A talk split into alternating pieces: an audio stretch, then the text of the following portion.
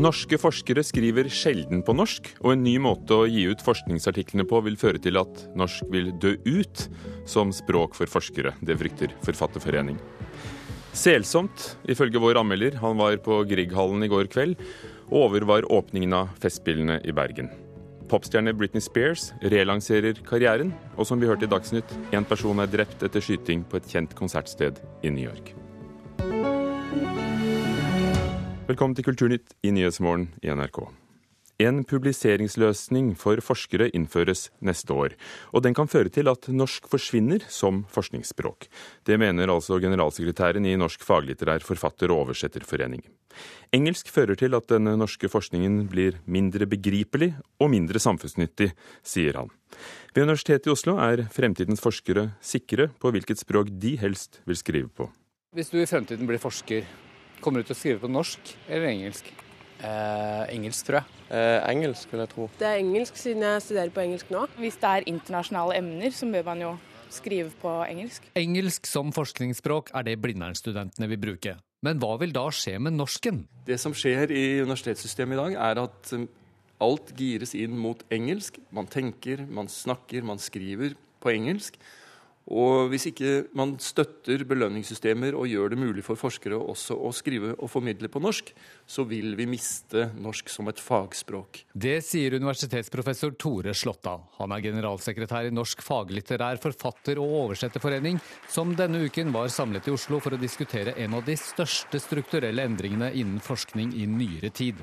Ja, takk, Forskningsrådet har bestemt at forskere fra neste år skal publisere såkalt open access, noe som betyr at forskningen ikke skal gjemmes bort i tidsskrifter som det er dyrt å abonnere på, men at den skal legges ut gratis, så både du og jeg kan lese den. Men den nye løsningen vil også føre til at norske tidsskrifter mister abonnementsinntektene sine. Derfor er Slåtta redd for at norsk kan forsvinne som forskningsspråk. Det blir et problem i neste omgang når man skal diskutere politiske spørsmål, kunnskapsspørsmål i samfunnet for øvrig. Andelen norskspråklig forskning synker for hvert eneste år. I 2014 ble det fastslått at den utgjorde bare 15% Samtidig skjer det en dreining mot engelsk innen akademia over hele verden. Det er noen, absolutt noen veldig positive sider ved Open Access. Men så er det den uh, siden av det hvor uh, tilgjengelighet kan faktisk føre til at ting blir mer lukket. Det er ikke alle som kan lese en medisinsk vitenskapelig artikkel. Og selv om den er tilgjengelig, så er den ikke forståelig for folk flest. Så det er fremdeles et formidlingsbehov til det norske samfunnet. Jeg skjønner bekymringen til Slåtta, men jeg tror ikke det er noen fare for at norsk som forskningsspråk kommer til å bli svekka i praksis. Det sier Vidar Røeggen, som er seniorrådgiver i Universitets- og høyskolerådet. Han er også sekretær i et utvalg som skal se på hvordan de kan redde økonomien til de norske forskningstidsskriftene. Norges forskningsråd jobber konkret med å sikre vilkårene til norske tidsskrifter eh, ved å sette av ca. 5 millioner kroner i en årlig pott.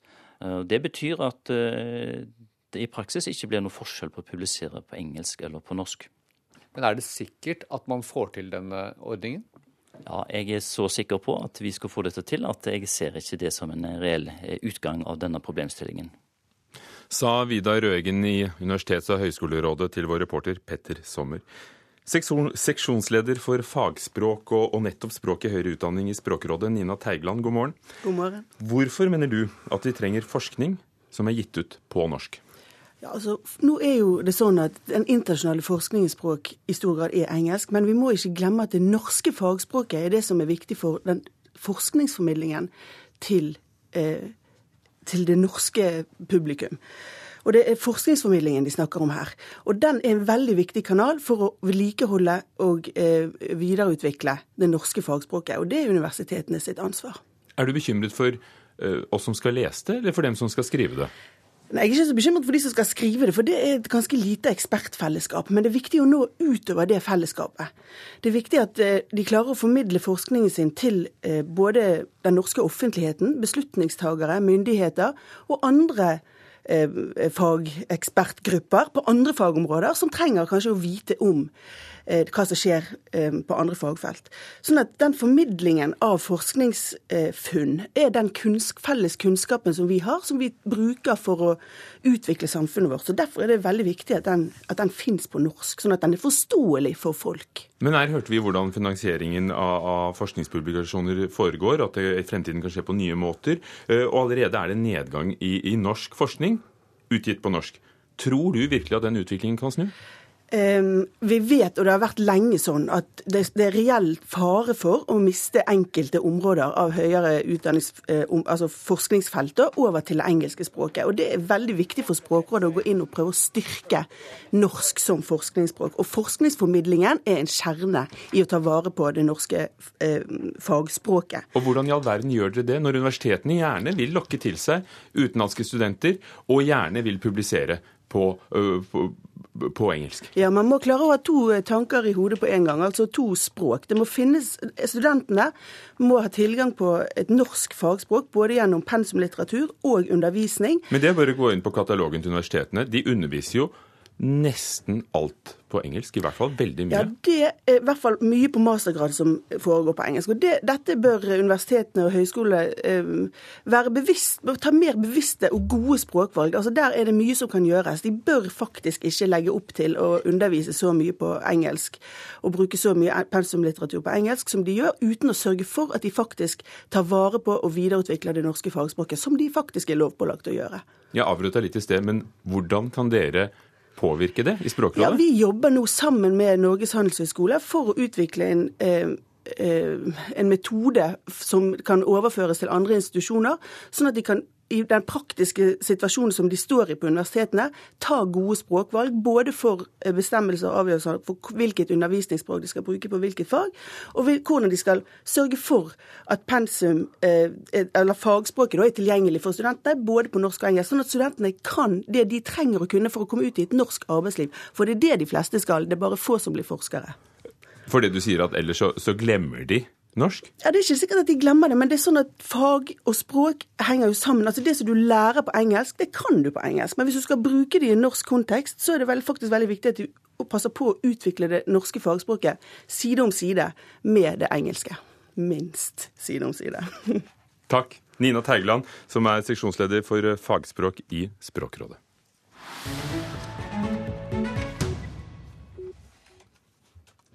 Fire personer er skutt og én er drept i konsertlokalet Irving Plaza på Manhattan i New York i går kveld. Reporter Petter Sommer, hva skjedde? skjedd? ja, det vi vet er jo det at eh, det er rapperen T.I. som skulle holde denne konserten. da. Irving Plaza det ligger eh, rett ved Union Square midt på Manhattan i New York. og Skytingen skjedde litt over klokka fire i natt norsk tid i lokalets artistområde. og Det kan jo tyde på at det ikke var vanlig publikum som var målet denne gang. T.I., hvem er han?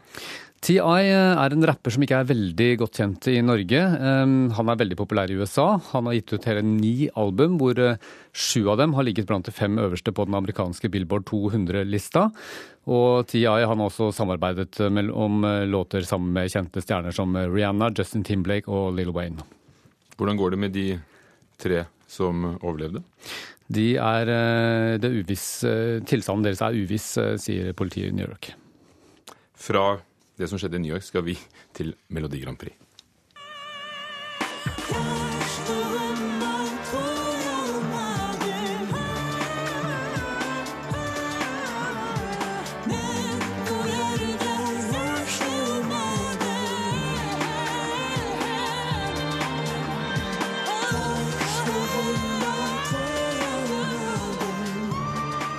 Årets vinner av Eurovisjonens melodikonkurranse, ukrainske Jamala og sangen 1944. For noen dager siden hørte vi at sangen egentlig skulle blitt eh, kastet ut fordi den var fremført allerede for ett år siden.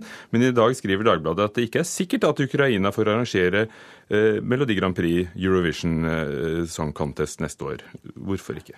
Ja, altså Det er jo ikke låta som er i fokus denne gang. Det er eh, derimot eh, Ukrainas eh, dårlige økonomi, svært dårlig sådan. Det er jo sånn at vinnerlandet automatisk skal arrangere Eurovision Song Contest. I hvert fall har det vært sånn inntil nå. Men Dagbladet har da snakket med den statlige ukrainske TV-stasjonen NTU, som sier det ikke er 100% sikkert at de har råd til å arrangere finalen. Dette er også verdens største direktesendte TV-program. Hva er prisen, egentlig? Eh, prisen eh, i, eh, til neste år er litt uviss. Den, den, går litt sånn opp og ned, avhengig av hvilket land som, som har spanderbuksene på, hadde jeg nær sagt. De kunne jo gjort det på litt rimeligere vis? Da. Ja, det blir noen tilpasninger ut fra landets egne ønsker. Men man kan jo sammenligne med en, den regningen NRK fikk da Norge arrangerte i 2010. Den var på 191 millioner, så det er jo snakk om betydelige summer. I hvert fall for et kriserammet land som Ukraina. Der er det jo eh, både krig, og de har eh, som sagt eh, svært dårlig økonomi og er avhengig av utenlandske lån. Men, og, og, og, i fjor så kan vi til opplysning si at Ukraina ikke deltok i konkurransen i det hele tatt. Men så sier også Jon Ola Sand, som er Eurovision, Eurovision Song Contests øverste leder, han sier at dette trolig kommer til å ordne seg. Han skal ha et møte med kringkastingssjefen i Ukraina neste uke, og da sier han at eh, denne konkurransen er uansett et spleiselag mellom alle landene, så det, det skal nok gå i orden. VG skriver om 17. Eh, mai-talen til komiker Else Kåss Furuseth. Ja, 'Legger meg flat' er overskriften der. Else Kåss Furuseth hun har erta på seg eh, romerikingene. Hun har eh, holdt en 17. mai-tale der hun blir instruert på øret av eh, skuespiller Per Kristian Ellefsen, som eh, da er kjent som Elling. Um, og eh, hun ble fortalt av Ellefsen hva hun skulle gjøre mens hun holdt denne 17. mai-talen, og det ble både holdt hun holdt seg til skritt, eh, skriver eh, avisen her. Eh, hun skrek, danset og gråt, og det ble ikke særlig godt mottatt av de som hørte på. Men nå har hun beklaget? Hun har lagt seg flat. Norske domstoler er for dårlige til å behandle opphavsrettssaker. Det mener advokat Hans Marius Grosvold, som er en av ekspertene på området. Debatten om hva som er et plagiat eller ikke, kom opp igjen denne uken etter at den amerikanske popartisten Beyoncé ifølge mange har kopiert en norsk dansesuksess i sitt siste nummer.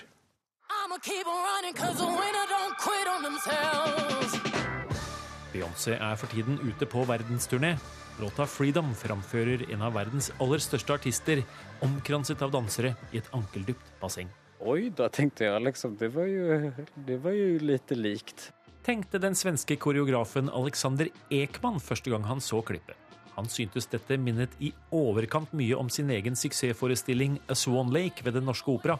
Ikke minst med tanke på at Beyoncés dansere hadde ringt ham om nettopp dette. Og så ville de ha tips i prinsipp på hvordan eh, de skulle gjøre. Til NRK i går avsa Danse-Norge en enstemmig dom over superstjernens framføring. Akkurat på det klippet jeg har sett, så syns jeg det er en kopi. Ja, det er jo trist, men ikke noe overraskende. Jeg syns det er klart en kopi. Ideen den tror jeg er en ganske sånn kopiert fra Ekman.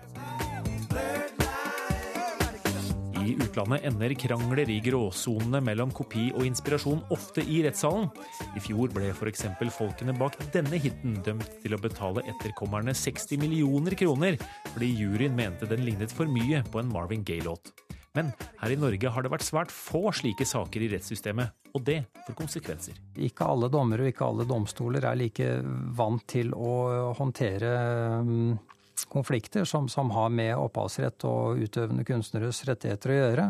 Det gir denne typen saker som kommer opp i norske domstoler et element av risikosport, mener advokat Hans Marius Gråsvold, som har nettopp opphavsrett som sitt spesialfelt. I de sakene så, så, så er det ikke alltid like lett å se hva skal jeg si, på hvilken side av gjerdet man, man ender. Og, og, det er som sagt en, en, en, tilleggsrisiko, vil jeg si, som handler om at domstolene ikke alltid er rett og slett like kompetente til å forholde seg i, i sånne saker.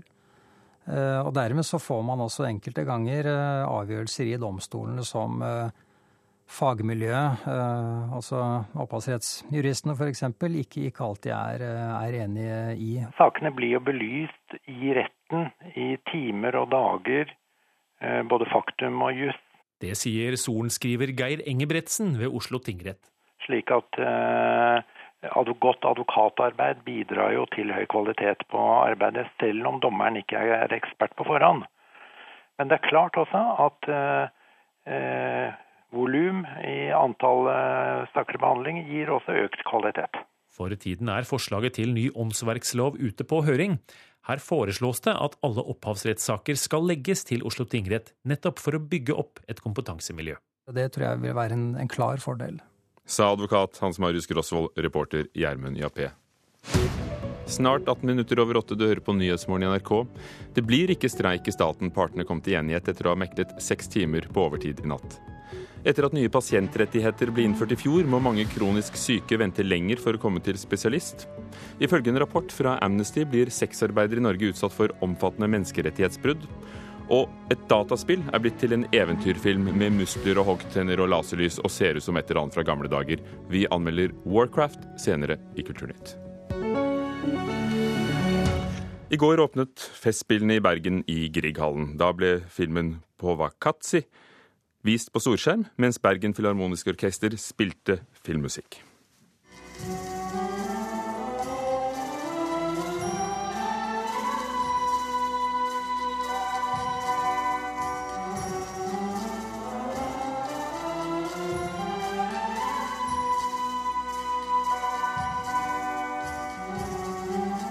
Og dette er musikken til det som var en kultfilm i 1988. Laget av kanskje det mest berømte nålevende komponisten, amerikanske Philip Glass. Han er snart 80 år gammel, var selv med på scenen i går og, og spilte som en del av sitt faste Philip Glass-ensemble. Vår anmelder Øystein Sandvik, du var der i Grieghallen. Hvordan opplevde du musikken og filmen? Nei, altså Jeg opplevde det først og fremst med en hyllest til uh, Philip Glass, som er da kanskje den mest innflytelsesrike komponist de siste 30-40 åra. Det var et interessant møte med et filmsoundtrack som låter uh, overraskende tøft og mektig til Philip Glass å være. Når det er sagt, så syns jeg det er underlig at Festspillene har valgt akkurat dette som åpningsforestilling for det første fordi Festspillene hadde akkurat det samme konseptet i 2010 allerede. Da var det del én av denne filmtrilogien til Godfrey Reggio. Også da med Philip Glass til stede på scenen. Og det virker litt pussig å gjøre den samme hyllende gesten om igjen. Og så er det en annen ting som handler mer om selve filmen, som nå 30 år kanskje fremstår som mer problematisk enn en, en tidligere, med et litt enkelt budskap om globaliseringens eh, skadevirkninger for den tredje verden. Det er en veldig interessant film, men den trenger kanskje å diskuteres og settes i større grad inn i en sammenheng nå 30 år etter. Og, og den gangen, for 30 år siden, skrev Aftenpostens anmelder at det, er, det, var en uvanlig og ordløs film om vår tilværelse. Og ordet pavakatsi kommer visstnok fra hopi-indianernes språk og betyr en undertrykkende livsform. Men hva vil du si, Øystein Sandvik, at den handler om? Nei, altså det, det, regissør eh, Godfrey Reggio gjør, altså Han kaller det en dokumentar, men det, det, den gjør, er jo da kun gjennom bilder. altså Dette er jo en helt språkløs film. Ikke noen kommentarer, og ingen av de som filmes, slippes til. Vi får ikke vite hva de tenker om det de er med på.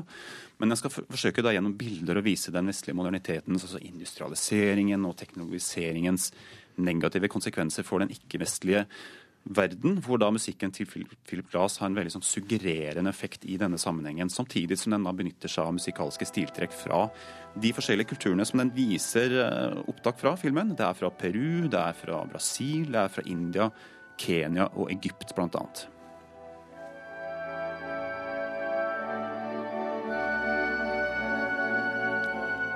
Ja, Dette er altså noen av opptakene fra i går kveld. Det må sies at det ikke helt, uh, yter ikke musikken helt rettferdighet, fordi det er gjort uh, ikke som et konsertopptak, men med en uh, egen liten opptaker, Øystein Sandvik. Kan du beskrive musikken og, og, hvordan Bergen Filharmoniske gjorde det sammen med Bergen guttekor og pikekor? Ja, altså Musikken er jo gjenkjennelig Philip Glass. altså Den er rytmisk, den er repetitiv. Den virker kanskje litt sprekere og mer eh, fremtredende enn mye annen filmmusikk av Philip Glass uh, gjør, som er kanskje mer sånn lydkulisse. Uh, men på samme måte som filmspråket virker litt datert, så er det også elementer ved musikken som, som har et tydelig tidsstempel da, fra slutten av 80-tallet. F.eks. denne utstrakte bruken av etniske elementer i musikken. Altså, dette var nok mye friskere i 1988 enn i dag, hvor vi har en veldig stor world music-scene, og denne litt sånn enkle, klisjémessige bruken av disse virkemidlene fremstår som kanskje litt enkle. da. Men hvordan spilte de, da? Og, og, hvordan var det med Philip Glass og hans eget ensemble på scenen? Jo, altså Bergen Jeg må starte med koret. altså Både Bergen guttekor og pikekor sang riktig flott når de omsider slapp til. De satt innmari lenge og venta. Men når de først fikk synge, så var det kraftfullt og rent og presist. Så nok en god jobb der av, av kormester Håkon Matti Skrede. Musikerne i Bergen Filharmoniske Orkester satt også ganske mye og telte takter og venta på neste ku fra, fra, dirigenten, men spilte lytefritt. Så er det da dette Philip Glass-ensemblet som bar mesteparten av, av, lydbildet. Det var litt haltende i kompet innimellom, men, men stort sett så, så, var dette en god fremførelse. Takk. Øystein Sandvik som var på åpningsforestilling i Grieghallen. Det blir mer om den i spillerom klokken 11 i P2. Mer musikk.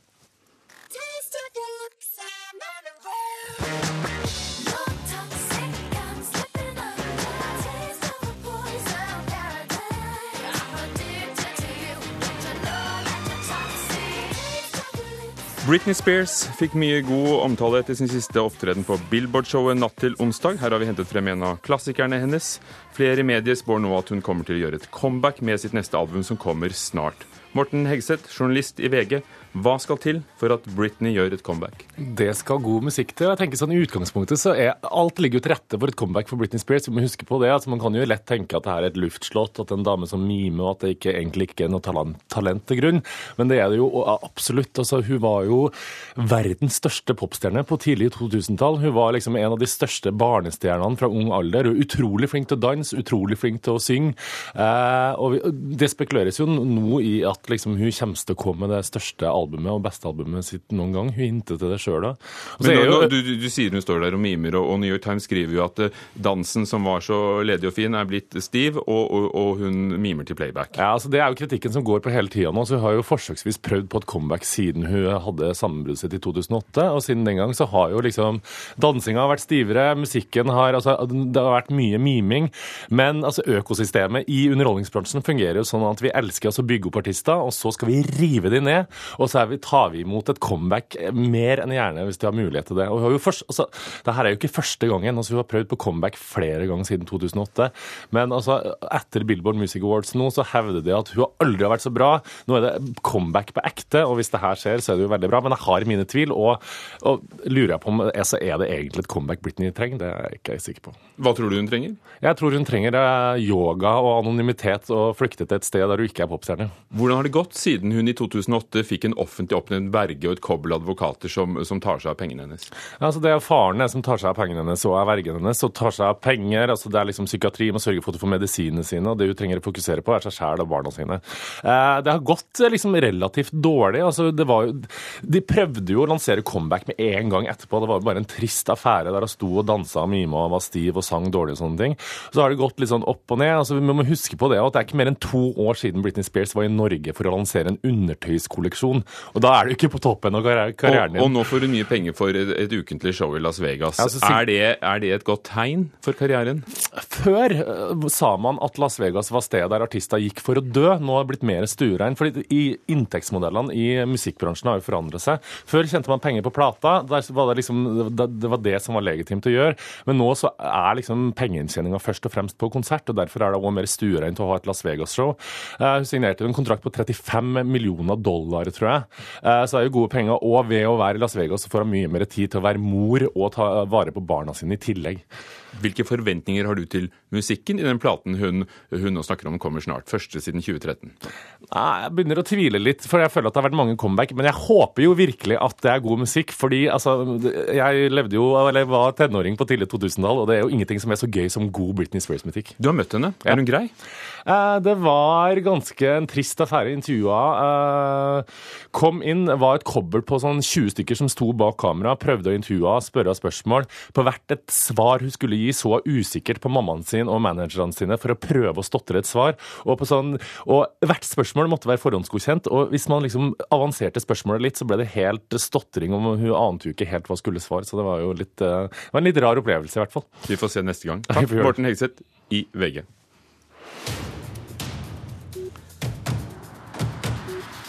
En av ukens premierefilmer er Warcraft The Beginning, begynnelsen. Det er filmversjonen av dataspillet med samme navn, og det er blitt en voldsom affære, ifølge Einar Gullvåg Staalesen.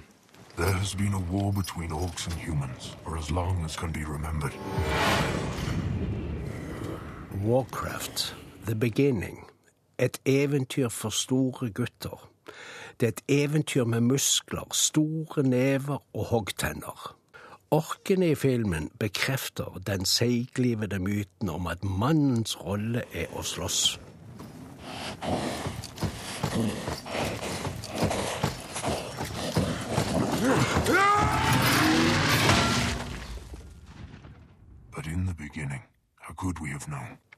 Så ser vi mellom linjene at vi menn blir varme om hjertet når vi holder spedbarn i armene. Ellers er vi tøffe. Det er normalt at den ene hoggtanna vår er brukket. Noen av de gamle sannhetene og ridderlige idealene lever godt i slike veldige fantasifilmer.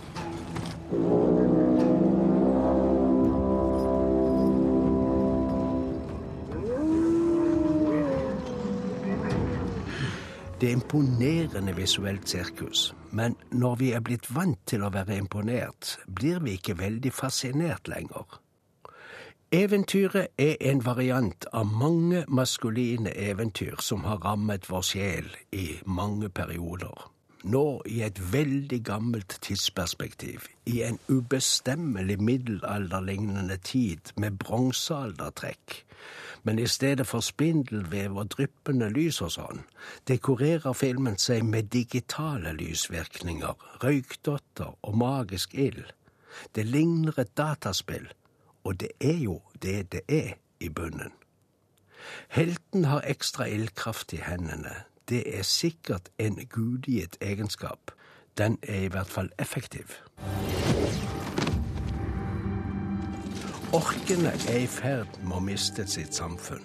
Derfor trenger de seg inn i menneskenes for å finne nye og bedre levevilkår der. Jeg vet ikke om de har noe annet å leve for enn å slåss og å bringe slekten videre. Hvert nytt barn blir en ny kriger. Respect the old ways.